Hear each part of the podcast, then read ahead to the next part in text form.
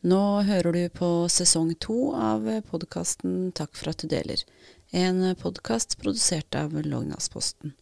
Du hører på den andre av åtte episoder.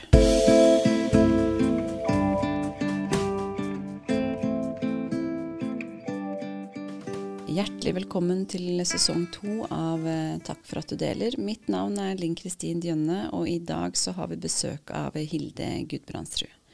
For eh, litt over to år siden så bor eh, Hilde på en gård i Passebekk sammen med samboeren sin Ole Ånnestad.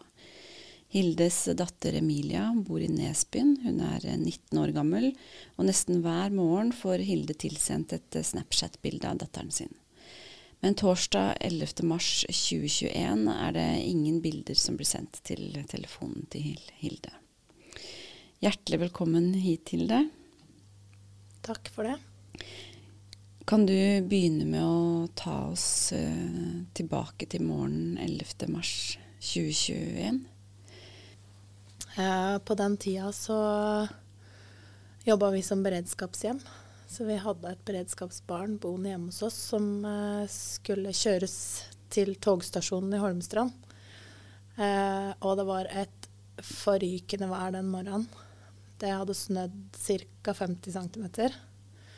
Eh, og når vi sto opp og gikk ut på morgenen for å kjøre, så bare kjørte jeg meg fast midt på gårdsplassen. Mm. Så det endte med at vi bare bestemte oss for å bli hjemme. Eh, ungdommen gikk opp på rommet sitt, og jeg eh, gikk ut i låven for å trene. Eh, gjennomfører det. Eh, så tar jeg en FaceTime med en kompis. Vi sitter og snakker litt, og så kommer det en tekstmelding på telefonen min hvor det står eh, Det var fra en kamerat da, av dattera mi. Hvor det står eh, Jeg har hørt at det har skjedd noe med Emilia. Eh, stemmer det? Så tenker jeg ikke så mye på det. Jeg bare dytter bort den meldinga og fortsetter å snakke med han kompisen min. Men så får jeg en sånn dårlig følelse, ordentlig dårlig magefølelse. Så jeg sier til kompisen min at jeg må legge på, for jeg må ringe dattera mi. Eh, for det har skjedd et eller annet, tror jeg. Så jeg legger på med han og ringer, og får jo selvfølgelig ikke noe svar. Uh, og da tenker jeg på det. Jeg har ikke fått noe Snap-bilde i dag. Uh, så uh, jeg ringer mamma og pappa. og når mamma tar telefonen, så er hun ganske oppspilt. Og så sier jeg hva har skjedd. Så blir det stille i telefonen, så sier hun har du ikke fått beskjed? Jeg sier nei, jeg har ikke fått noe beskjed om noen ting. Hva har skjedd? Og da blir mamma nei, du må snakke med pappa. Så får jeg pappa på telefonen, og da begynner jeg å bli Jeg tror egentlig at jeg begynner å forstå at det har skjedd noe alvorlig, da. Mm. Så jeg sier til pappa ganske tydelig at nå forteller du meg bare hva som har skjedd. Eh, og da sier pappa at eh, Emilie har vært i en ulykke. Og så må jeg spørre igjen hva har skjedd? Og da sier pappa hun omkom. Eh, og da raser jo verden sammen. Den gjør jo selvfølgelig det. Så jeg må liksom Jeg legger på, da. Bare legger på. Og prøver å samle meg litt. Hva jeg er litt sånn skrudd sammen at når, når jeg kommer i sånne type situasjoner, da, så går jeg litt i nødmodus, og jeg tar på meg jobbhatten min. Så jeg får liksom grine og skrike litt og sånn, og så begynner jeg å tenke hva, hva gjør jeg nå? Uh, for hun var jo langt vekke. Jeg tenkte OK, jeg får ikke gjort noen ting. Eh, jeg får ikke vært der. Så jeg må bare få på plass ting hjemme, pakke bagen min, sette meg i bilen og reise. Fordi nå bor jo du da i Passebekk, og hun bor eh, i Nesbyen. Ja. Og det, og det, samme gjør da foreldrene dine. Um, får du noe mer informasjon nå før du drar, eller setter du deg da bare i bilen og kjører? Jeg eh, må jo ringe Jeg ringer jo samboeren min. Uh, og han uh, forstår ikke helt hva jeg sier. Han bare skjønner at noe har skjedd. Og tror at det er hunden vår som er død. Mm. Så han eh, hiver seg i bilen, kjører eh, fra jobb og, og hjem. I mellomtida så kommer presten på døra. Han var der en halvtimes tid, tenker jeg. Så drar han da når, når samboeren min kommer. Så har jeg også fått tak i noen som kan ta seg av den ungdommen da, som bor hjemme hos oss. Eh, så det tar ja, det tar nok noen timer før vi drar. Et par-tre timer, tenker jeg, før vi drar, da. Du har jo nå akkurat fått eh, en voldsom eh, sjokkbeskjed. Forstår du på det tidspunktet her hva som egentlig har skjedd? Nei. Nei, jeg gjør ikke det. Jeg um, Altså, det er vanskelig å ta det inn over seg, da. Altså, jeg forstår at Jeg, jeg hører hva de sier. Jeg hører hva de sier. Eh, og forholder meg til det. Men ikke følelsesmessig. Bare sånn rein mentalt, da. Og så drar dere da oppover til eh, Nesbyen. Hva skjer eh, videre nå? Eh, når vi kommer til Nesbyen, så drar vi jo hjem til mamma og pappa. Eh, og de har jo hatt god kontakt med kommunelegen der oppe, så han har vært på besøk. Det var han som kom og fortalte pappa på jobben da, hva som hadde skjedd. Hva med de hjem. Var med pappa hjem eh, til mamma. Eh, så han kom tilbake da litt seinere på kvelden for å gå igjennom med meg og samboeren min og en veldig god venn av familien da, som har vært nære Emilia fra, fra hun var liten og har vært litt sånn reserveonkel. Eh, så han kommer hjem til oss på kvelden og går igjennom da ulykka, hva som har skjedd før, som, hvordan selve ulykka var, hva som har skjedd etter. Eh, ja. Men eh, hva var det egentlig som skjedde? Det var jo uh, like dårlig vær der som det det var her. Eh, og uh, hun gikk på skole på Ål i en nabobygd. Så hun kjørte bil til skolen. Og på veien da så var det ja, ganske dårlig brøyta. Så hun har fått Hun møter en søppelbil. Og rett før hun møter den søppelbilen, så får hun en sleng på sin egen bil som gjør at de krasjer. Uh, og det er, ingen av de hadde stor fart, ingenting, så det var bare Ja. Feil plass til feil tid for begge to. Det var en frontkollisjon. Ja, det var det. Men eh, du fikk eh, beskjed om det her av eh, faren din. Ja. Den ulykka skjedde jo ti over syv cirka på morgenen. Eh, når jeg snakka med pappa, da var klokka ca. kvart over elleve. Mange, Eh, mange timer etterpå. egentlig. mange timer etterpå. Så eh, eh, det var jo i utgangspunktet politiet som skulle kommet hjem til meg og fortalt meg det her. Og hva jeg har forstått, så har de ca. 30 minutter på seg da, til å gi meg den beskjeden. Eh, men eh, det som skjer da, er at uh, eh, presten kommer hjem til oss ca. kvart på tolv Ja. enda seinere. Hva som er eh, grunnen til at politiet ikke kom hjem til oss, eh, og at de sendte presten aleine, det, det veit ikke jeg. Det har jeg fortsatt ikke fått noe svar på. Men, eh, men det var politiet som i utgangspunktet skulle gitt meg den beskjeden. Mye tidligere. Hvordan er eh, tida etter den første dagen?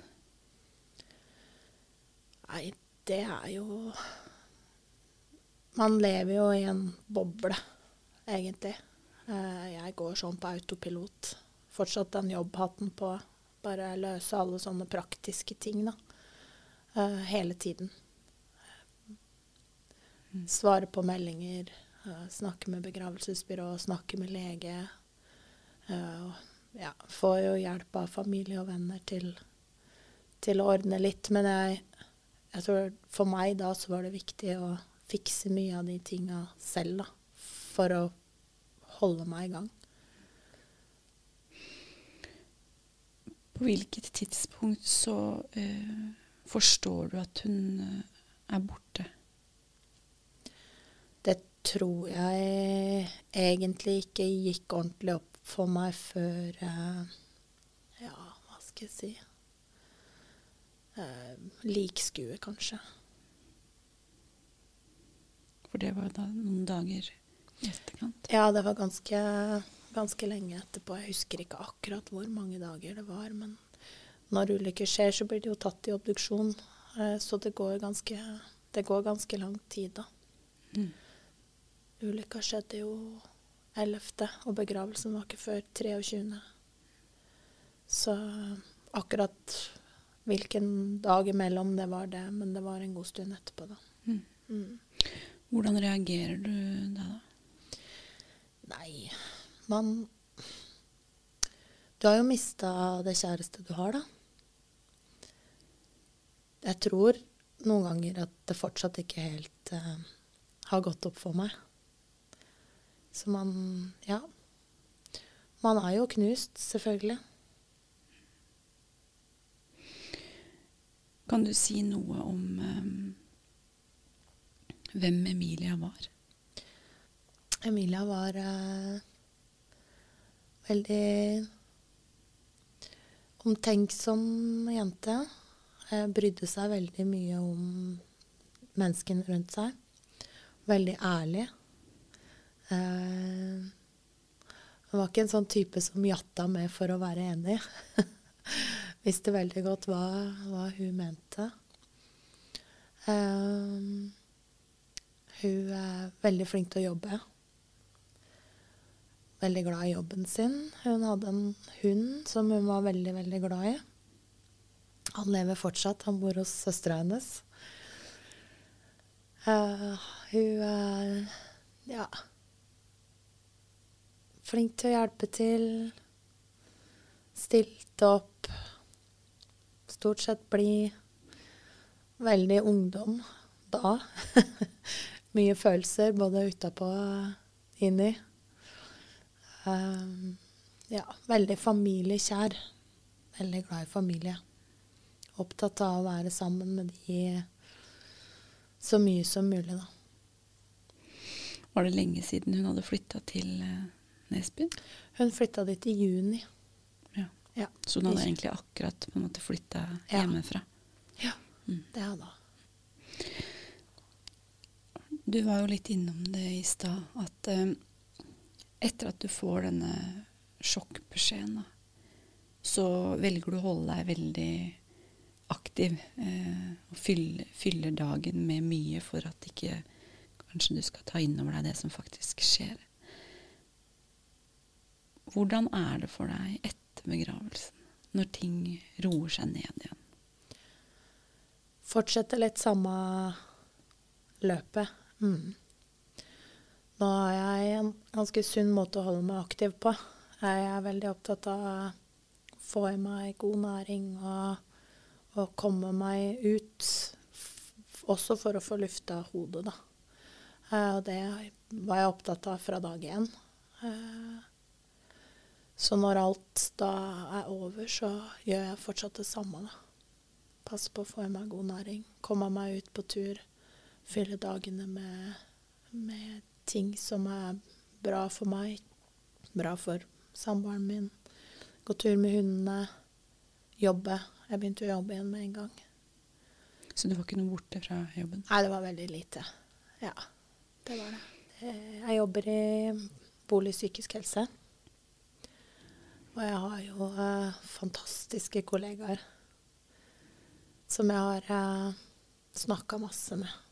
Det har vært en veldig viktig støtte for meg. Hvor viktig var de tingene her for deg, da? Helt eh, elementært. Altså, jeg hadde ikke Jeg hadde ikke overlevd uten. Det hadde jeg ikke. Jeg hadde Jeg var nødt til å sette meg noen mål, da, hele veien. sånn turer jeg hadde lyst til å dra på, ting jeg hadde lyst til å gjøre ganske sånn tett etter hverandre. For å ikke bare gi opp imellom, da. Så du hadde delmål gjennom uh, tida? Mm. Samboeren din, uh, han uh, var jo også bonuspappa for Emilia i ti år. Ja. Um, hvor viktig har dere vært for hverandre, kan du vel si? Ola har vært det viktigste mennesket for meg i alt. Han er så stødig og rolig, og han, han Jeg trenger ikke fortelle han hvordan jeg har det. Han ser det med en gang. Han ser alle de små tinga. Han ser når jeg trenger en klem, han ser når jeg trenger å være aleine. Han ser når uh, han bare skal sitte der og holde rundt meg, eller når han trenger å lage middag. han ser alle de tinga, da. Så han er uh, Ja. Det har vært alt. Mm. Nå har det jo gått eh, ja, litt over to år siden det skjedde. Hvordan har de to og et halvt åra vært? Det har vært uh, tungt. Det har det. Hele veien. Men man prøver jo å finne ting å fylle dagene med. Nå er jeg jo veldig glad i jobben min og hobbyen min, så jeg uh, får dagene til å gå. Men, men uh, du blir jo minna på det overalt skolebussen som kjører forbi. Eh, man ser en bil som ligner. Man eh, Ja, vi har jo bilder hengende overalt hjemme. Jeg har jo noen tantebarn som eh, snakker om henne. Foreldrene våre snakker jo om, om henne. Eh, men det er de små tinga i hverdagen. Sånn som eksempel hvis jeg har en dårlig dag, da. Og skolebussen kjører forbi når jeg sitter på kjøkkenet, det er ikke noe ålreit.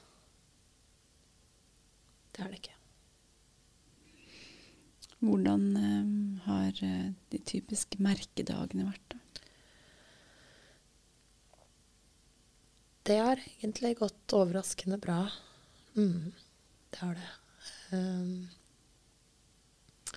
vi prøver jo å markere det Uh, første bursdagen feira vi sammen med, med, vennene hennes. Inviterte de på besøk. I fjor fikk vi ikke mulighet til det, for da var det så mye annet som skjedde.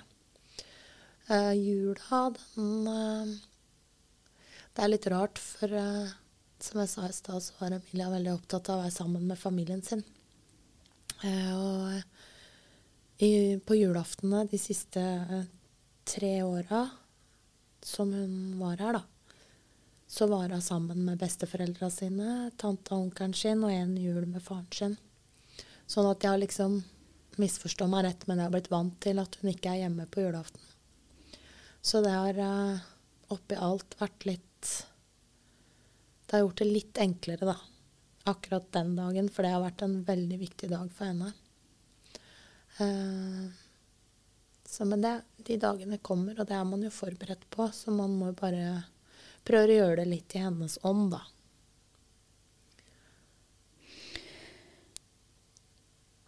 Det sies jo at uh, noe av det, verste et menneske kan oppleve, er å miste et barn. Og uh, hvordan kommer man seg uh, videre etter noe sånt? Eller gjør man, gjør man egentlig det? Ja, gjør man egentlig det? Det Ja. Man gjør jo det. Man har jo ikke noe valg. Da må man avslutte det selv. Skal man ikke gjøre det.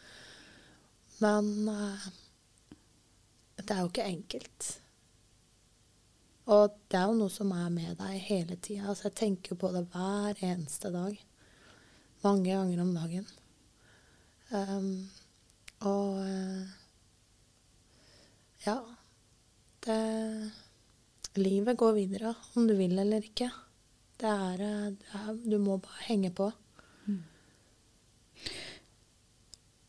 Opplever du at du har forandra deg nå? Ja. På hvilken måte? Først så må man jo bli kjent med seg selv som person. Jeg har vært mamma siden jeg var 23, og nå er jeg 45. så du får jo en helt annen rolle. Så er det noe med hva man skal fylle tida si med. Um, og når man har barn, så er jo det det viktigste du har i livet. Uh, det er det du bruker all tid og energi på. Det du tenker på hele tida. Konsekvenser av ting du gjør. Um, så man ikke har de tinga å tenke på lenger, da, så jeg mista egentlig identiteten min, følte jeg, på mange måter. Så jeg har ikke helt har ikke helt funnet den tilbake ennå. Det er veldig vanskelig. Mm. Og for meg er det jo fortsatt ganske ferskt, ikke sant. Så jeg må bare prøve å finne veien. Det er en prosess. Ja. Mm. Med tanke på hvordan um, livet så raskt kan snu da, med én beskjed. Og hva det eh, gjør med oss. Og åssen refleksjoner man har rundt det. Man ser jo hvor fort ting kan skje. Um, og jeg er veldig glad for at jeg har sagt til dattera mi hver dag mens hun har levd, at jeg er glad i henne. Uh, og det tenker jeg òg, at man blir kanskje flinkere til å uh, bruke tid på det som er viktig. Uh, at man kanskje blir flinkere til å fortelle de man har rundt seg, at man bryr seg om dem. de tinga som var et stort problem før, da, det det er ikke et problem lenger. Man henger seg ikke så mye opp i detaljer som det man kanskje tidligere gjorde? Nei, absolutt ikke. Alle sånne trivielle ting som vi kunne diskutere før, det gjør vi ikke lenger. Det er i hvert fall veldig sjelden. Ja, det Ja. Jeg bryr meg ikke om om huset står på huet, eller om jeg går på butikken i joggebukse eller Nei, det er sånne ting. Jeg har ingenting å si. Du nevnte det litt i stad, at det, dette er jo fortsatt veldig ferskt for deg. Um, um, hvordan har du opplevd det at uh, samfunnet på en måte går videre? Det har vært en utfordring til tider. Uh, det husker jeg tenkte på i begynnelsen, når alle var sånn veldig omsorgsfulle og, og man fikk masse støtte. Så tenkte jeg på det at jeg var, jeg var glad på døms vegne, da. For at snart er det over for dere. Eh, og når den dagen kom hvor man kjenner at liksom folk har landa, livet deres går videre, så jeg er fortsatt litt stuck på samme sted, da.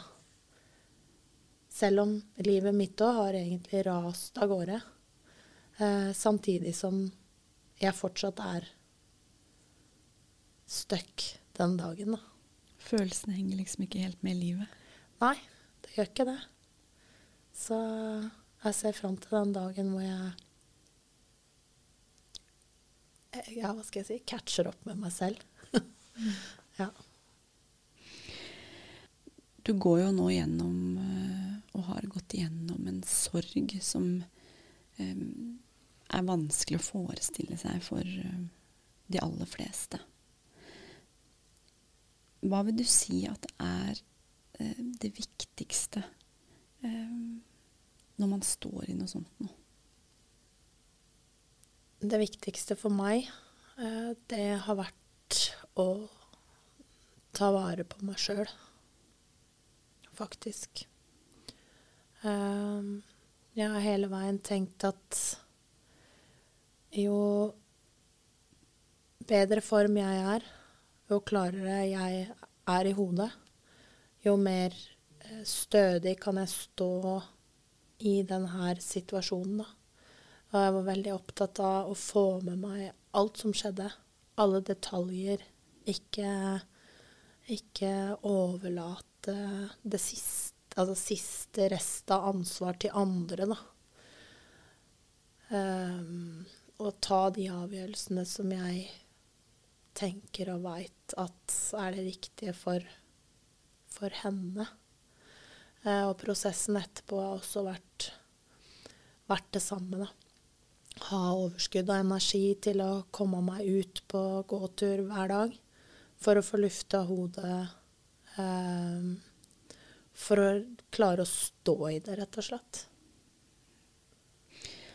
Opplever du at gjennom de to og et halvt året da, at du har klart det, å ta vare på deg selv? Ja. Hver dag. Hver eneste dag har jeg klart det. Så til slutt så blir det jo en rutine. Um, og jeg, for meg har det vært Det har vært forskjell på liv og død, rett og slett. Det der å uh, Altså frisk luft og, og bevegelse er uh, Det er undervurdert. Mm. det er kjempeviktig. Mm. I hvert fall for den psykiske helsa, da. Mm. Og klare å klare selv på de dagene hvor man har mest lyst til å dra dyna over hodet.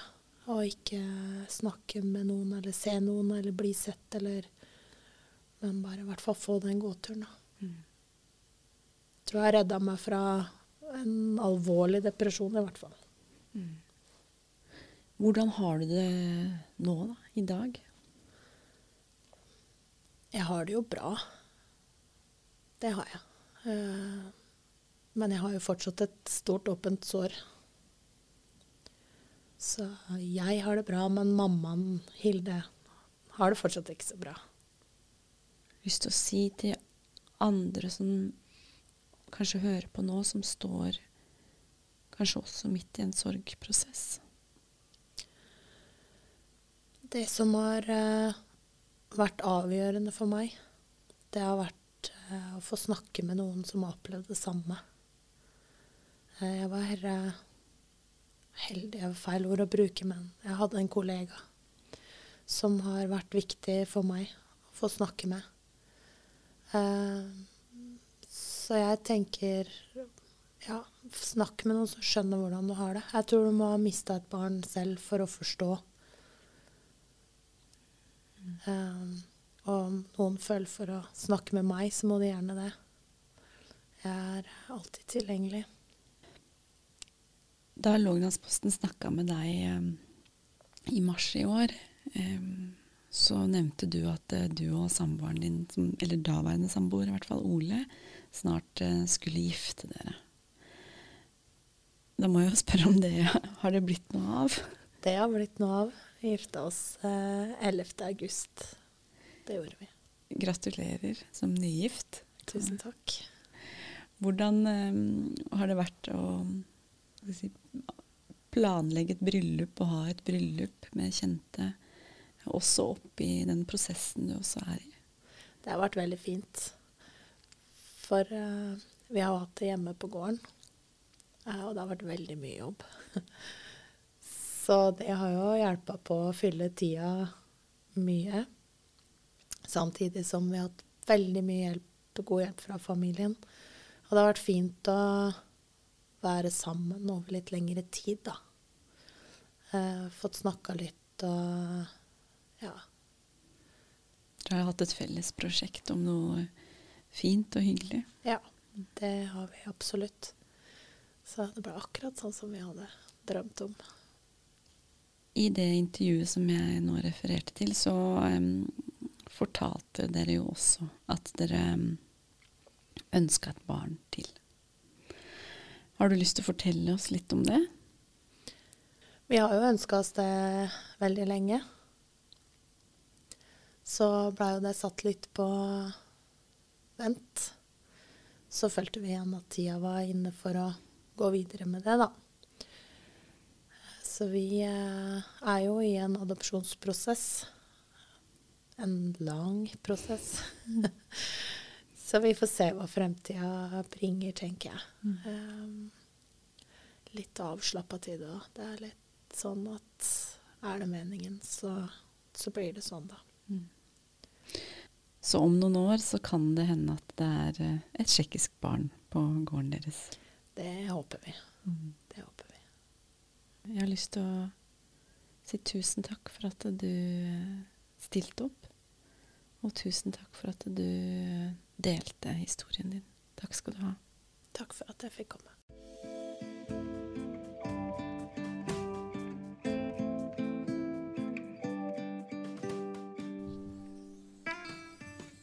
Vi har eh, vært i kontakt med Håvard Revå, som er leder ved Kongsberg politistasjon.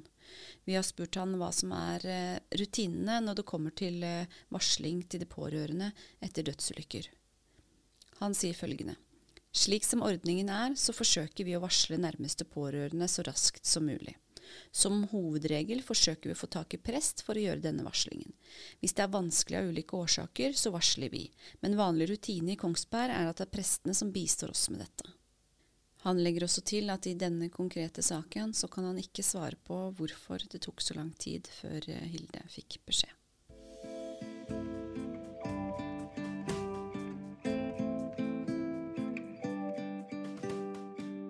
Du har nå hørt på sesong to av podkasten Takk for at du deler. En podkast produsert av Låglandsposten. Ansvarlig redaktør er Jørn Steinmo. Har du et enkeltpersonforetak eller en liten bedrift? Da er du sikkert lei av å høre meg snakke om hvor enkelt det er med kvitteringer og bilag i fiken, så vi eh, gir oss her, vi. Fordi vi liker enkelt. Fiken superenkelt regnskap.